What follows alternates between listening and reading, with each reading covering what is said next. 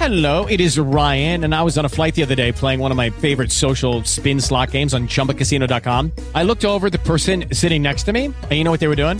They were also playing Chumba Casino. Coincidence? I think not. Everybody's loving having fun with it. Chumba Casino is home to hundreds of casino style games that you can play for free anytime, anywhere, even at 30,000 feet. So sign up now at chumbacasino.com to claim your free welcome bonus. That's chumbacasino.com and live the Chumba life. No purchase necessary. Group. Void were prohibited by law. See terms and conditions. 18 plus. Hello, it is Ryan, and we could all use an extra bright spot in our day, couldn't we? Just to make up for things like sitting in traffic, doing the dishes, counting your steps, you know, all the mundane stuff. That is why I'm such a big fan of Chumba Casino. Chumba Casino has all your favorite social casino style games that you can play for free anytime, anywhere with daily bonuses. That should brighten your day a little.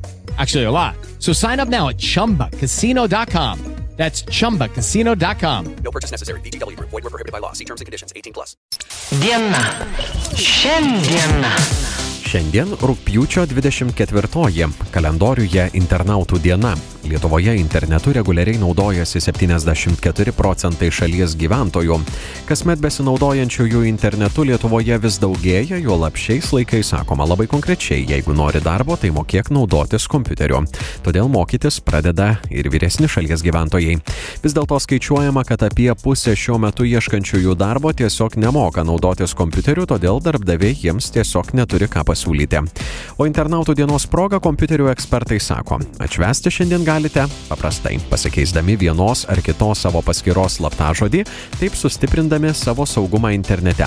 Remianti statistika, 4 iš 10 lietuvių turi iki 3 slaptažodžių, neretai jie yra maždaug ABC 123 ir panašus.